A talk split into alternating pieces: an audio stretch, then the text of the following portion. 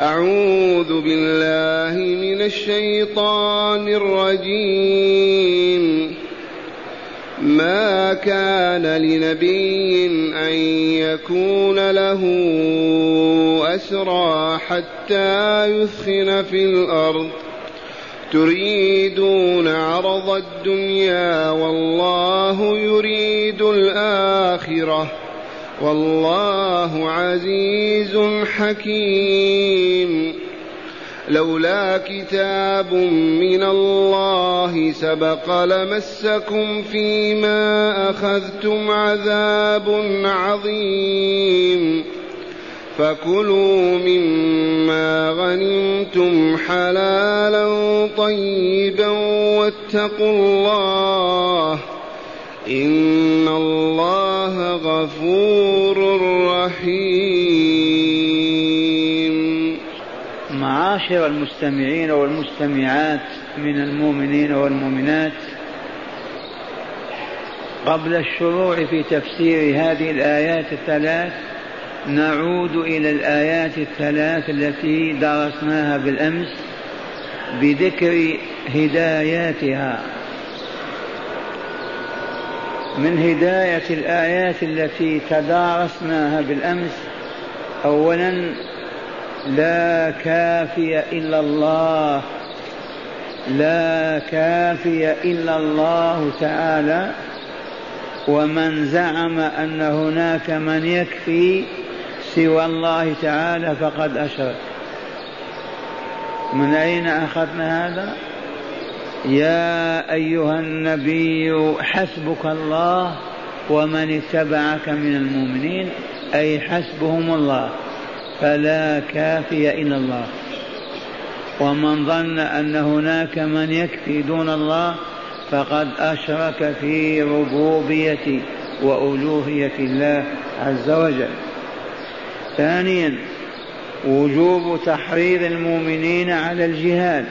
وحثهم عليه في كل زمان ومكان.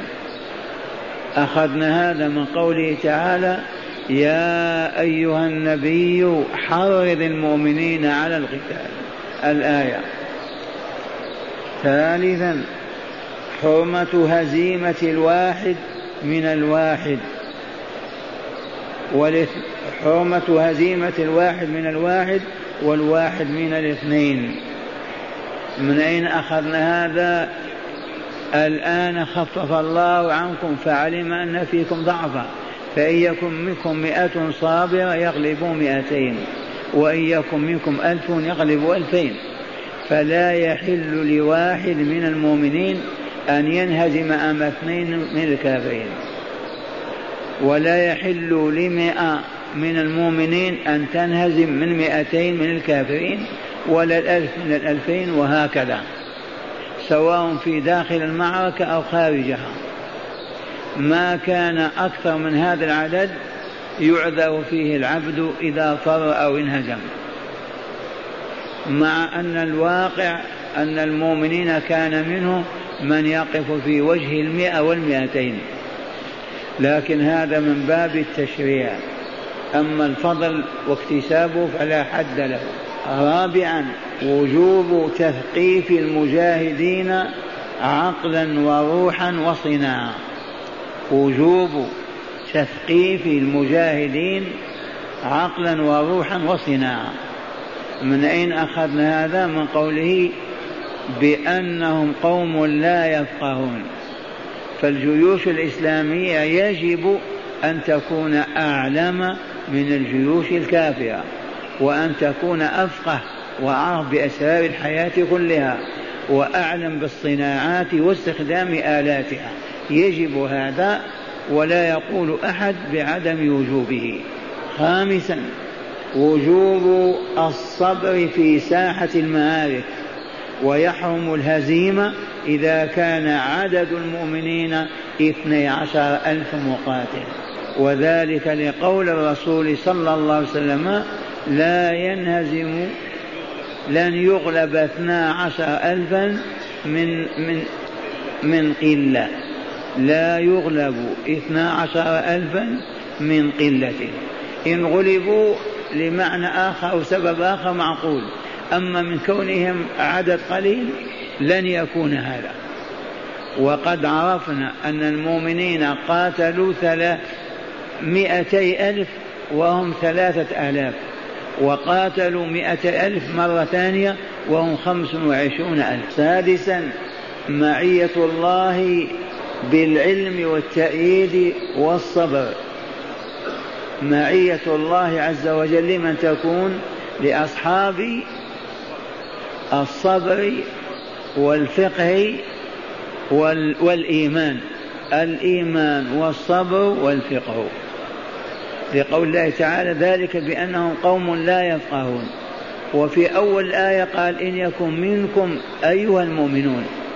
فالصبر فالإيمان والصبر والفقه أصحاب هذه الصفات لا يهزمون في معركة من المعارك إلا أن يشاء الله. والآن مع هذه الآيات الثلاث بعدما انتهت معركة بدر وأسر المسلمون عددا من أسرى المشركين وقبل أن ينزل حكم الله تعالى فيهم جمع رسول الله صلى الله عليه وسلم أصحابه واستشارهم في هؤلاء الأسرى. أيقتلون أم يفادون؟ وبدأ بالصديق بأبي بكر رضي الله عنه فأشار عليه بالفداء وثنى بعمر فأشار عليه بالقتل. وانضم إلى عمر سعد بن أبي معاذ وآخر ثلاثة فقط. والباقي انضموا إلى أبي بكر وقالوا الفداء أولى.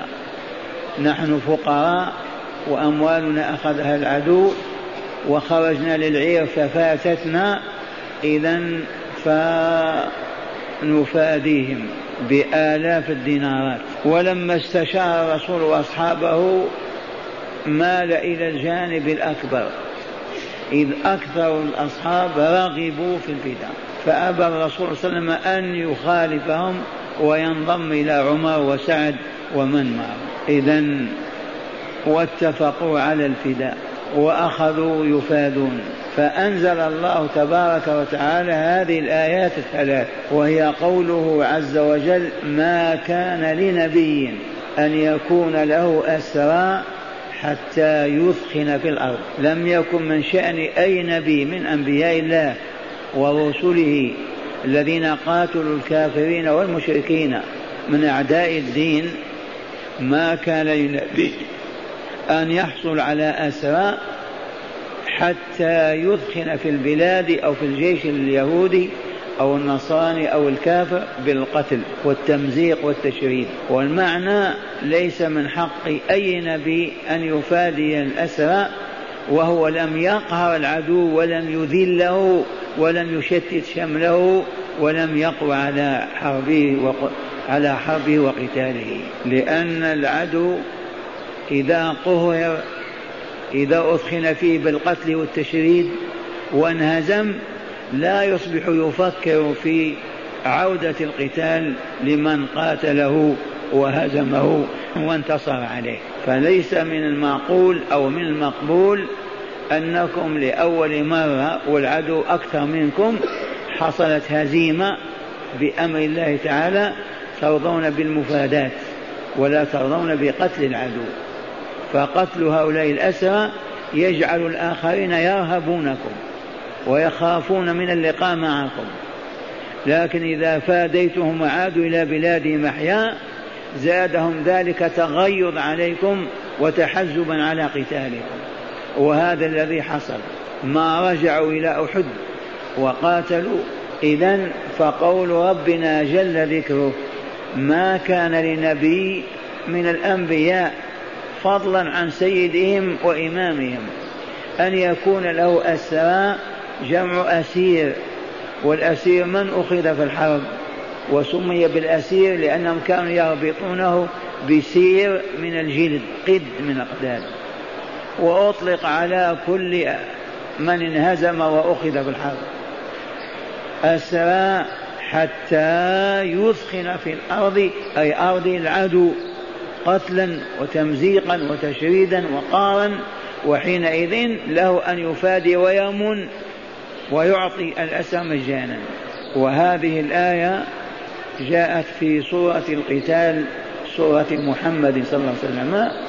إذ قال تعالى فإذا لقيتم الذين كفروا فضرب الرقاب حتى إذا أثخنتموهم فشدوا الوثاق. فإما منا بعد وإما فداء حتى تضع الحرب أوزارها. إذا إذا لقيتم الذين كفروا شدوا عليهم واضغطوا عليهم بالحرب والقتل فإذا انتهت المعركة والأسر بأيديكم أنتم حينئذ مخيرون بعد أن أثخنتم في العدو قتلا. أما اليوم ما هناك إثخان أبدا. كل الأسرى سبعون أسيرا أو أقل. هذا تعليم الله وإرشاده لرسوله والمؤمنين ويبقى هذا الحكم إلى يوم الدين. ما كان للنبي أن يكون له أسرى حتى يثخن في الأرض. ثم قال تعالى لهم معاتبا لائما عليهم تريدون عرض الدنيا تريدون بالمفادات بالمال عرض الدنيا والله يريد الآخرة. فأي المرادين خير مراد الله أو مراد الناس؟ الناس يريدون الدنيا والله يريد الآخرة. والآخرة باقية والدنيا زائلة وفانية والباقي خير من الفاني. وسمي المال عرض لأنه صفة تعرض وتزول وهو المال إلى الآن عرض ما يستقر أبدا كالصفات. ليس جوهر ثابت لا يتبدل. هكذا يقول تعالى لائما لهم عاتبا عليهم تريدون عرض الدنيا والله يريد الآخرة. والله عزيز حكيم. عزيز غالب لا يغالب لا يقهر أبدا ولا يمانع فيما يريده. حكيم يضع كل شيء في موضعه. وهو يريد لكم أن تثخنوا في المشركين بالقتل والتدمير قبل أن تأخذوا أسراهم وتفادوهم. ثم قال تعالى لولا كتاب من الله سبق لمسكم فيما أخذتم عذاب عظيم. لولا كتاب من الله سبق في كتاب المقادير في اللوح المحفوظ أن هذا يتم كما حصل لمسكم عذاب. لكن كتب في كتاب المقادير أن هذا يقع وكما كتب أن الله يبيح لكم الآن وبعد الآن إلى يوم القيامة حلية المغانم. إذ كانت المغانم محرمة على الأنبياء وأباحها الله تعالى لرسوله والمؤمنين.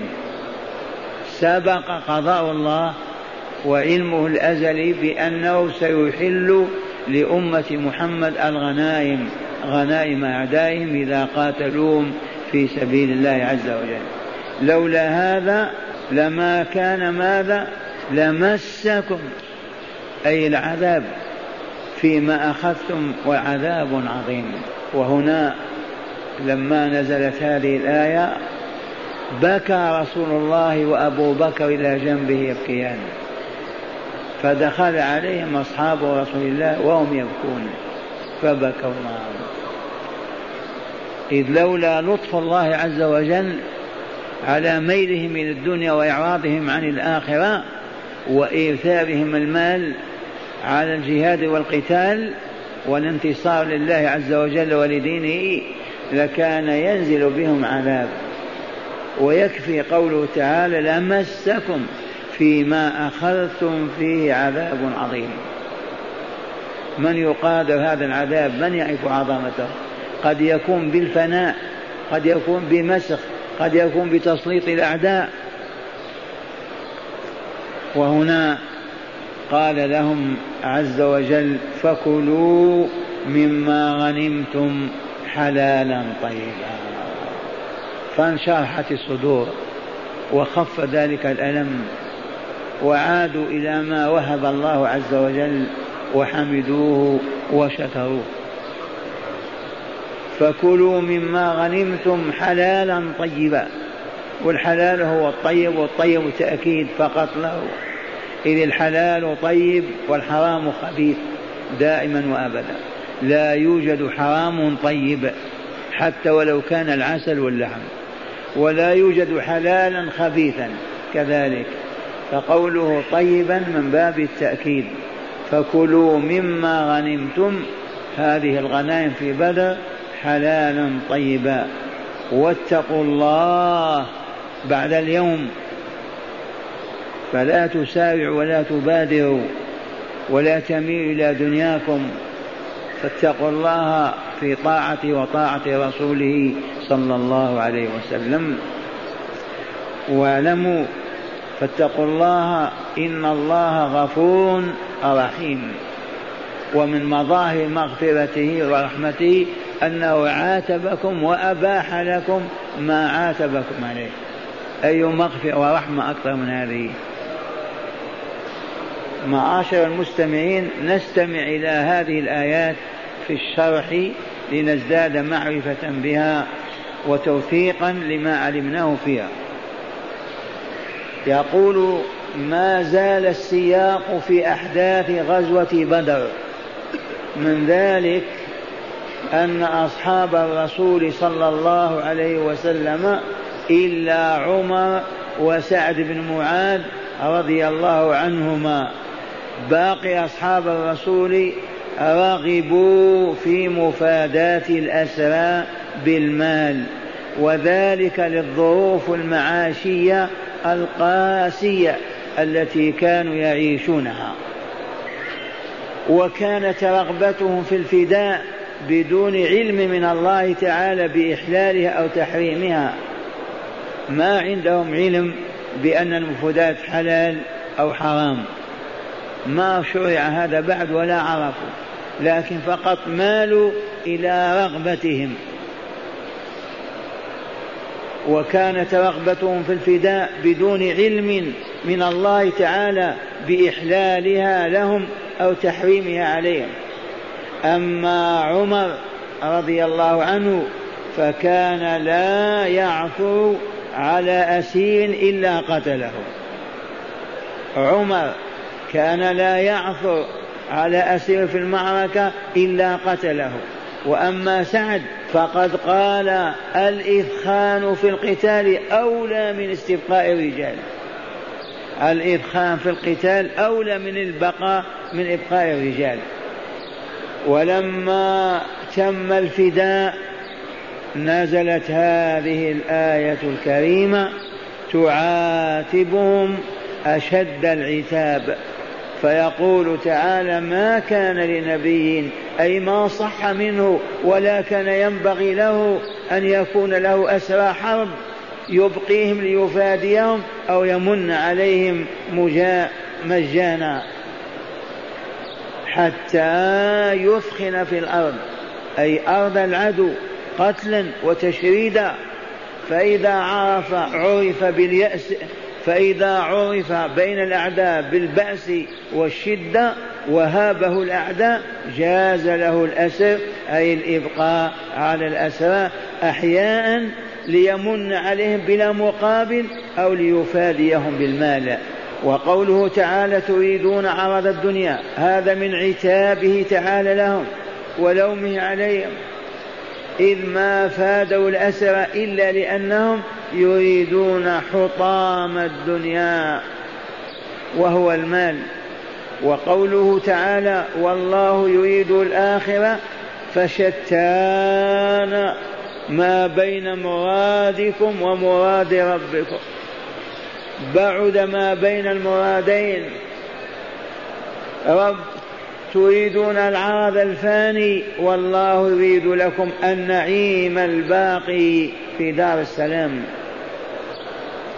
وقوله تعالى والله عزيز حكيم أي غالب على أمره ينصر من توكل عليه وفوض أمره إليه حكيم في تصرفاته فلا يخذل أولياءه وينصر أعداءه.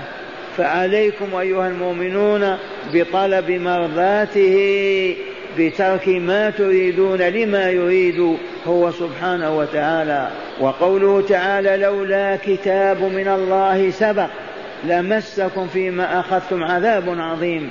أي لولا أنه مضى علم الله تعالى بحلية الغنائم لهذه الأمة وكتب ذلك في اللوح المحفوظ لكان ينالكم جزاء رضاكم بالمفادات وأخذ الفدية ينالكم عذاب عظيم. وقوله تعالى فكلوا مما غنمتم حلالا طيبا. اذا هذا إذن منه تعالى لأهل بدر. إذن منه تعالى لأهل بدر. أن يأكلوا مما غنموا. وحتى ما فادوا به الاسرى وهي منة منه سبحانه وتعالى. وقوله تعالى واتقوا الله أمر منه عز وجل لهم بتقواه بفعل أوامره وأوامر رسوله وترك نواهيهما.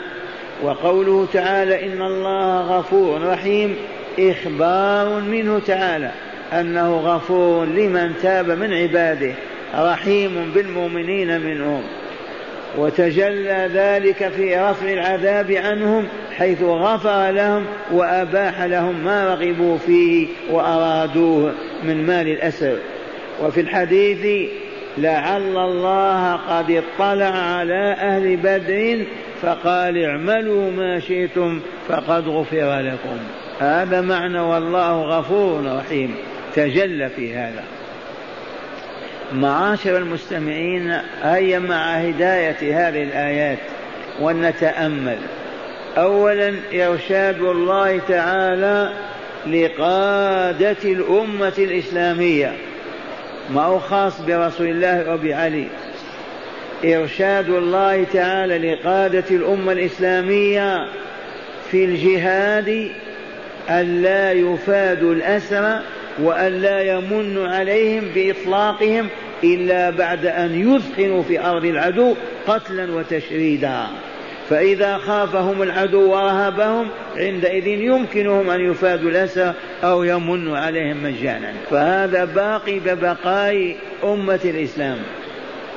فلا يحل أبدا لقائد مسلم أن يفادي أسرى لأول معركة.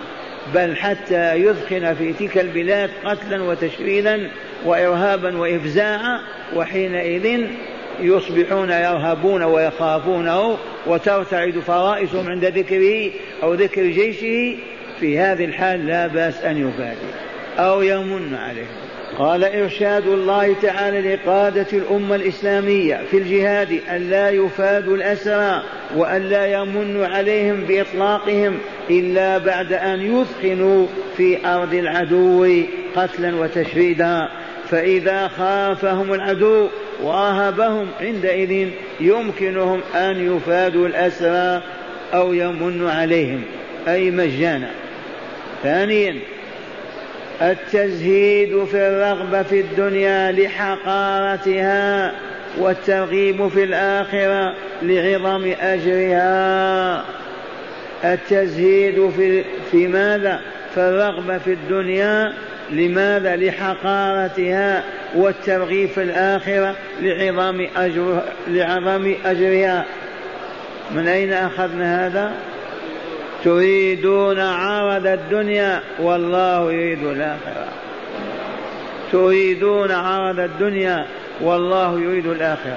فلهذا التزهيد في الرغبة في الدنيا لحقارتها والترغيب في الآخرة لعظم أجرها, أجرها. ثالثا إباحة الغنائم مطلقا إلى يوم الدين. الغنائم جمع غنيمة ما نغنمه من العدو عند قتالنا له من بشر وإلا حيوان وإلا ذهب أو فضة كل ما كان يسمى غنيمة. من أين أخذنا هذا؟ فكلوا مما غنمتم حلالا طيبا. أمر الله بهذا للإباحة إلى يوم القيامة. ثالثا إباحة الغنائم. رابعا وجوب تقوى الله تعالى. بطاعته وطاعة رسوله في ماذا؟ في الأمر والنهي. وجوب طاعة الله وطاعة رسوله محمد صلى الله عليه وسلم في ماذا؟ في الأمر والنهي. إذا أمرا بأمر وجب أن يطاع. إذا نهيا عن شيء يجب أن يطاع. ويدخل في هذا أولو الأمر بعد وفاة الرسول صلى الله عليه وسلم من يلي أمر المسلمين يطاع فيما يأمر وفيما ينهى إذا كان على منهج الله الحق ومنهج رسوله صلى الله عليه وسلم.